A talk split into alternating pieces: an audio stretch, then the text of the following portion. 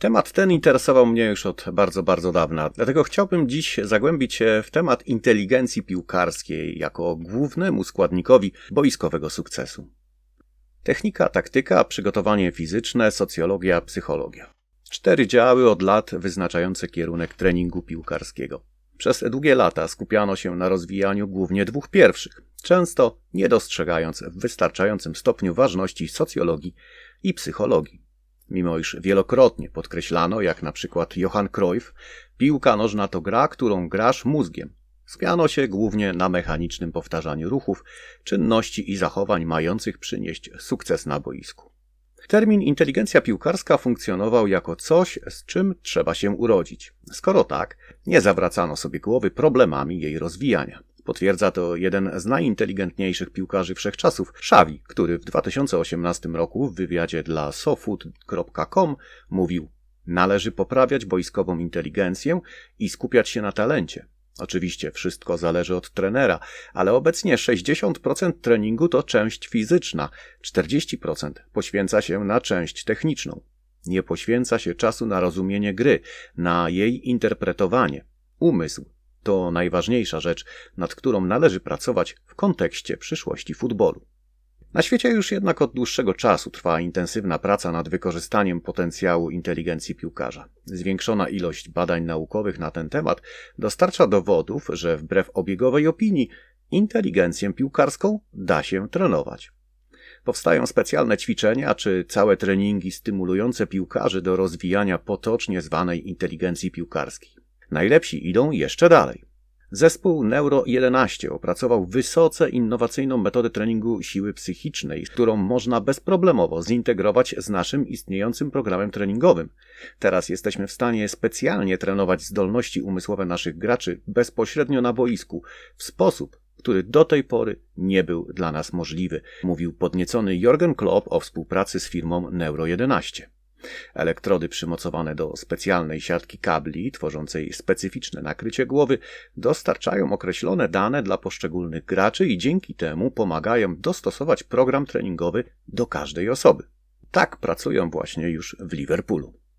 Wracając do inteligencji, można najprościej stwierdzić, że to zdolność do wybierania narzędzi, a następnie ich stosowania, niezależnie od tego, czy jest to wiedza, czy nowa umiejętność. Odnosząc to do piłki nożnej, można powiedzieć, że inteligencja piłkarska to zdolność do szybkiego przetwarzania informacji, stosowania zasad i strategii oraz podejmowania rozsądnych, niezależnych decyzji na boisku. W piłce nożnej każda sytuacja wymaga specyficznego rodzaju inteligencji niekiedy jest wynikiem doświadczenia, ale też innowacyjności i zdolności twórczych, które są wrodzone, ale można je rozwijać.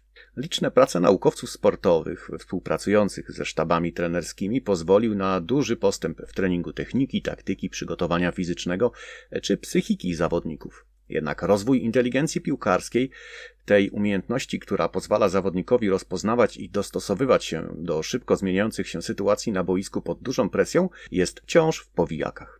Gdyby drużyny mogły poprawić inteligencję piłkarską swoich zawodników tak, jak mogą zoptymalizować przygotowanie fizyczne i psychiczne, zmieniłoby to sposób treningu tego sportu. Biorąc pod uwagę, jak wyrównany jest obecnie poziom we współczesnym futbolu, każda przewaga, jaką można uzyskać, prawdopodobnie przyniesie ogromne korzyści na poziomie indywidualnym i zespołowym. Umiejętność podejmowania właściwych decyzji i szybkiego rozwiązywania problemów to kluczowe aspekty tzw. Tak inteligencji piłkarza. To one w ostatecznym rozrachunku decydują o wyniku meczu. Sama technika nie wystarczy, o czym przekonał się choćby przykład Cristiano Ronaldo.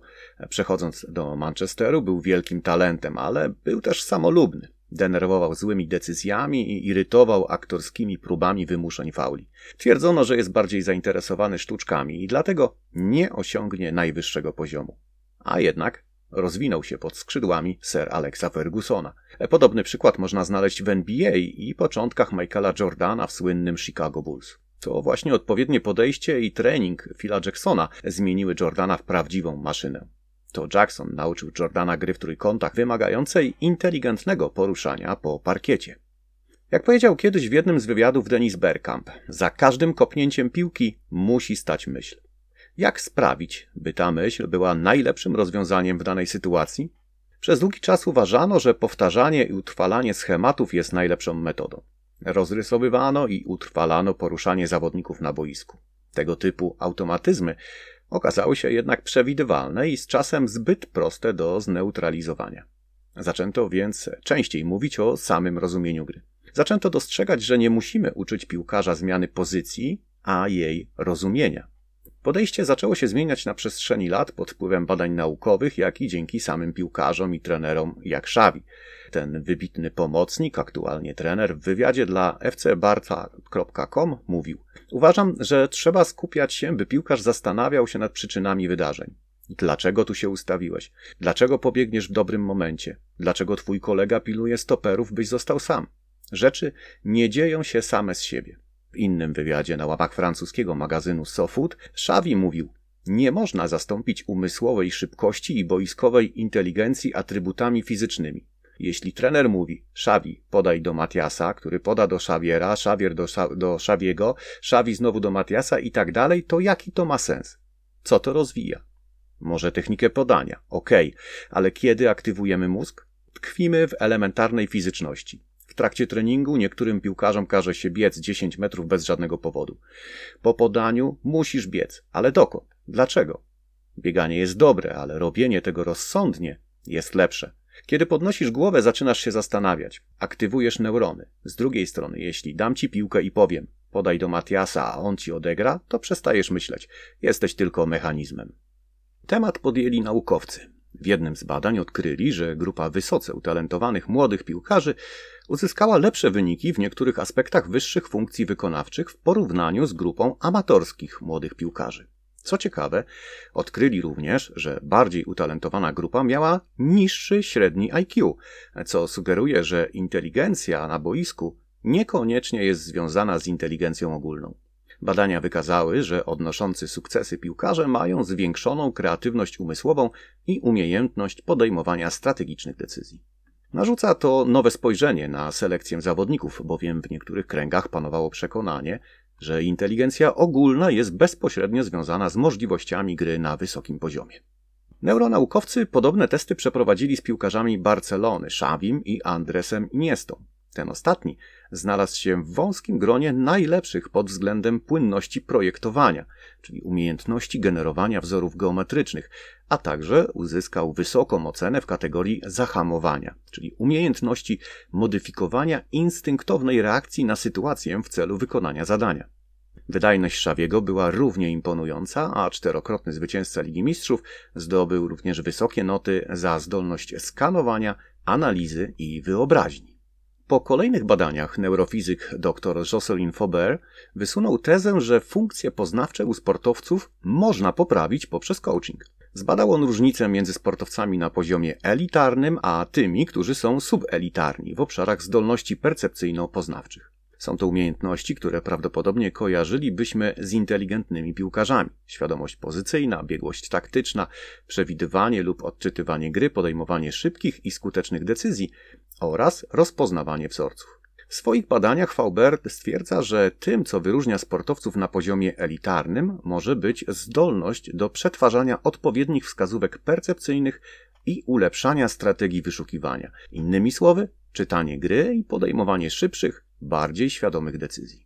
Grupa europejskich naukowców przeprowadziła niedawno podobne badanie mające na celu zmierzenie umiejętności podejmowania decyzji przez piłkarzy z różnych dywizji piłkarskich. Zmierzono inteligencję w grach za pomocą procedury testowej zwanej jako DKEFS, która ocenia umiejętności w zakresie kreatywności, rozwiązywania problemów i tworzenia zasad. Najwyższe wyniki osiągnęli zawodnicy szwedzkiej ekstraklasy, a następnie zawodnicy z niższej ligi. Grupa osób z ogółu społeczeństwa wykazała wyniki poniżej obu grup piłkarzy. Wyniki grup elitarnych piłkarzy znalazły się w górnych 2% wyników w porównaniu z ogólną populacją.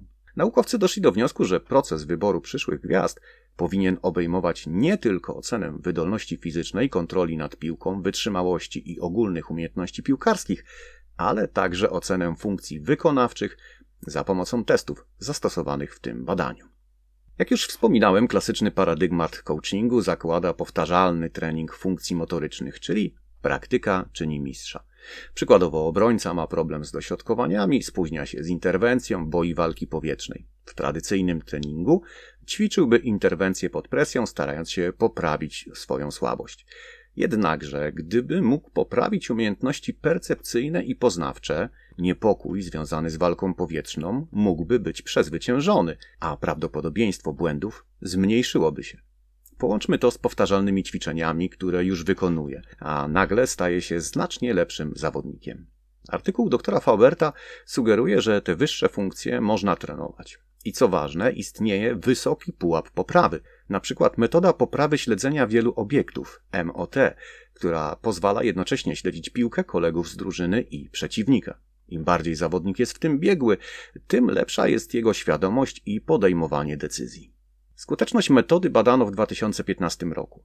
Eksperyment u grupy używającej treningu MOT wskazał m.in. znaczną poprawę uwagi, szybkość przetwarzania informacji wizualnych oraz zwiększenie dokładności podejmowania decyzji. To tylko jeden przykład obszaru, który można znacznie poprawić. Rozszerzenie pola widzenia czy poprawa trójwymiarowej świadomości wzrokowo-przestrzennej wszystko to radykalnie poprawiłoby grę każdego piłkarza. Co niewiarygodne, testy niektórych z tych narzędzi wykazały poprawę o 50% już po kilku zaskakująco krótkich sesjach. Gdyby zespoły trenerskie i naukowcy zajmujący się sportem byli w stanie opracować programy treningowe dostosowane do określonych dyscyplin sportowych, a nawet pozycji na boisku, mogłoby to znacznie poprawić inteligencję zawodników w grze. Warto przy tym pamiętać, że ogólne programy treningu wzrokowego nie poprawiają samego podejmowania decyzji w sporcie. Kluczową umiejętnością jest tu szybkość przetwarzania informacji o wielu ruchomych celach. Naukowcy mogą mówić o zdolnościach percepcyjno-poznawczych lub funkcjach wykonawczych, ale w piłce nożnej mówimy o świadomości taktycznej, czytaniu gry, wizji, przewidywaniu. Wszyscy pamiętamy fatalny występ niemieckiej reprezentacji na Mistrzostwach Europy w roku 2000. Zaraz po tym niemiecki Związek Piłkarski postanowił przebudować swój system szkolenia. Kluczowym czynnikiem było uzupełnienie treningu technicznego i fizycznego przez wprowadzenie większej elastyczności w grze i taktyce, aby rozwijać bardziej inteligentnych graczy. W rezultacie niemieccy zawodnicy zrobili znaczący postęp, jak Filip Lam, którego Pep Guardiola określił mianem najinteligentniejszego gracza, z jakim kiedykolwiek pracował.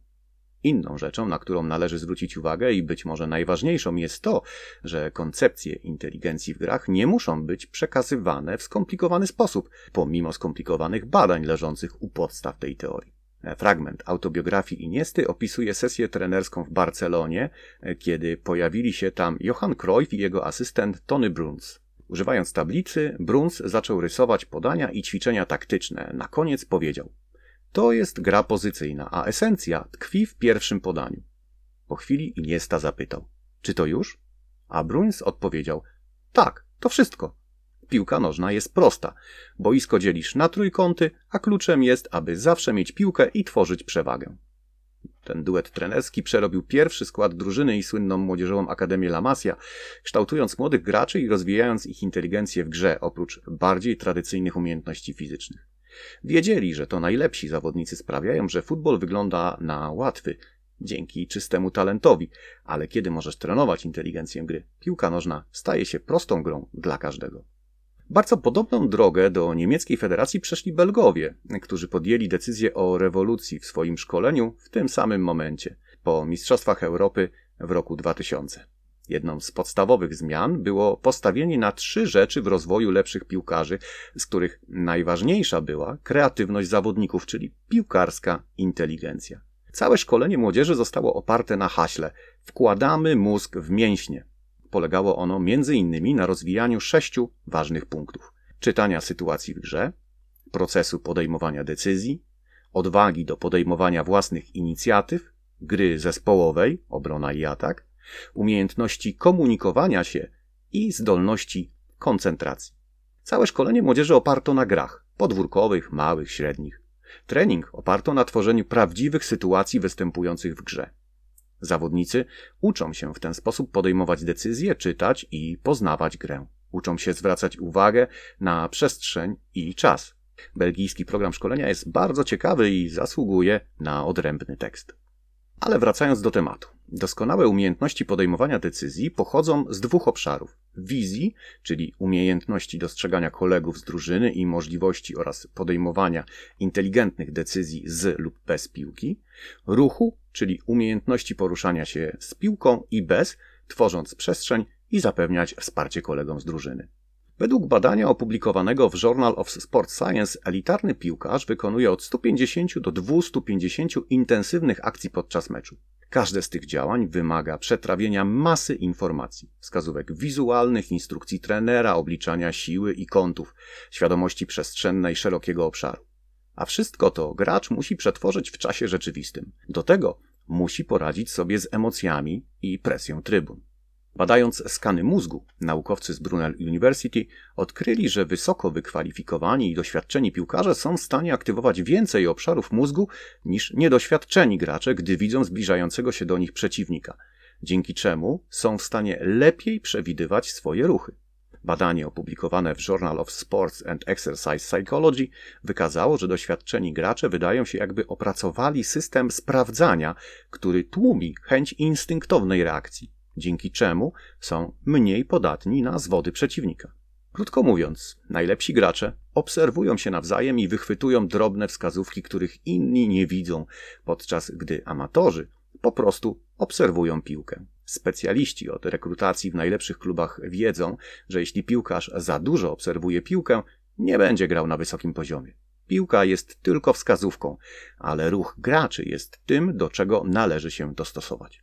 Piłka nożna wymaga od zawodników wysokich umiejętności poznawczych i funkcji wykonawczych, ponieważ niestabilne środowisko determinuje podejmowanie decyzji. Procesy poznawcze służą nam do poznania rzeczywistości, uzyskania orientacji, wiedzy o otaczającym nas świecie i przetwarzania uzyskanych informacji. Te informacje wpływają na nasze reakcje i zachowanie.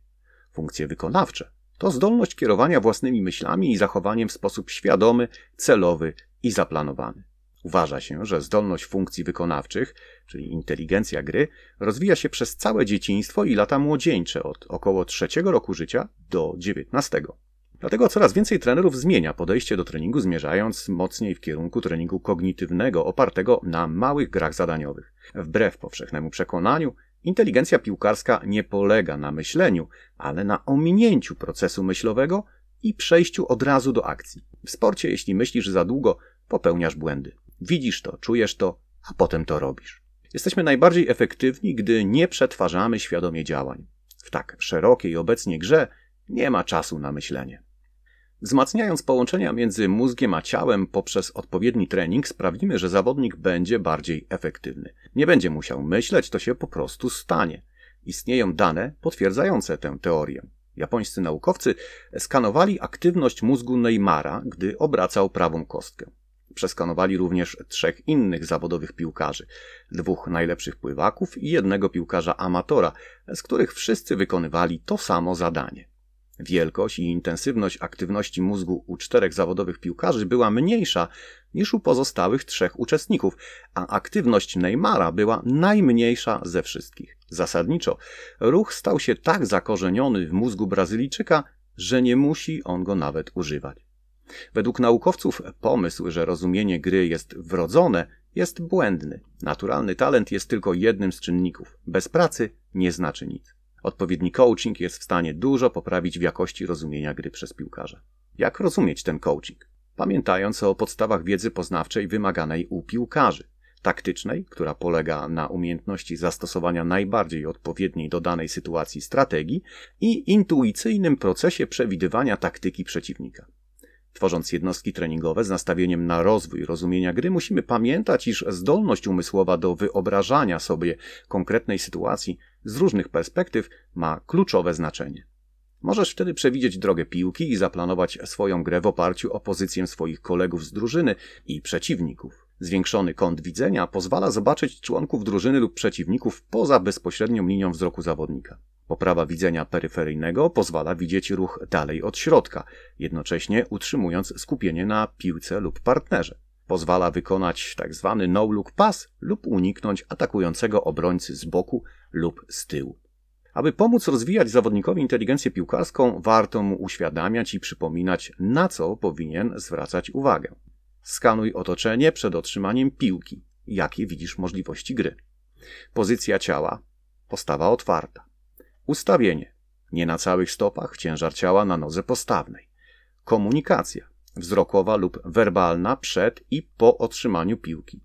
Technika. Pierwszy kontakt, kiedy kierunkowo, kiedy w miejscu, kiedy na dwa lub więcej kontaktów. Umiejętności. Kiedy, gdzie, jak i dlaczego, czyli proces podejmowania decyzji. Mobilność. Gra bez piłki, tworzenie wolnych przestrzeni, zachowanie przed i po podaniu piłki. Fazy przejścia.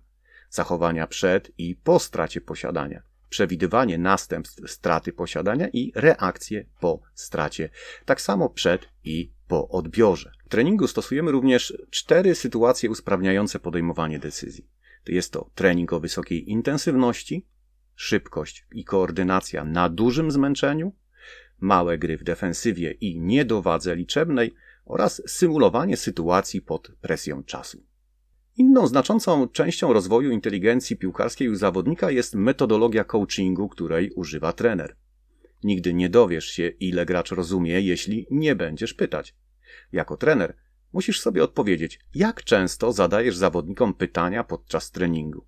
Jak często zmuszasz ich do podejmowania samodzielnej decyzji o zajęciu lepszej pozycji, zaskakującym podaniu, o tym, gdzie najlepiej dryblować, gdzie zagrać na jeden kontakt, a potem słuchasz argumentacji, dlaczego podjął właśnie taką decyzję. Czy zamiast tego mówisz zawodnikowi: zrób to, zrób tamto, idź tam, idź tutaj? Gracz to robi, ale w wielu wypadkach nie zastanawia się nad tym i tego nie rozumie. Robi to, ponieważ trener kazał. Czy jednak wtedy możemy wymagać tego, że zawodnik poprawi swoją inteligencję piłkarską? Maksyma Konfucjusza jest tu bardzo na miejscu. Powiedz mi, a zapomnę, pokaż mi, a zapamiętam, pozwól mi dojść do tego samemu, a zrozumiem. Planując rozwój piłkarza, nie możemy zapominać też o inteligencji emocjonalnej. Jeśli sportowcy nie potrafią w danej chwili zarządzać swoimi emocjami, nie ma znaczenia, do czego są zdolni fizycznie lub poznawczo. Rządzą nimi emocje. Biorąc wszystko powyższe, może warto zastanowić się nad mocniejszym zaangażowaniem zawodników w proces szkolenia już od najmłodszych lat. Podjąć rozmowę o meczu, zasięgać ich opinii, nie tylko wkładać im w głowę teorię, ale delikatnie naprowadzać na właściwe myślenie, angażować w dyskusję. Dążyć do tego, by zawodnicy sami między sobą wymieniali się uwagami. Zadawać pytania, nie mówić wszystkiego, co się wydarzyło, chyba że wyraźnie nie rozumieją i potrzebują pomocy. Oczywiście trener musi również służyć radą, ale każdy powinien mieć szansę na dodanie konstruktywnych informacji.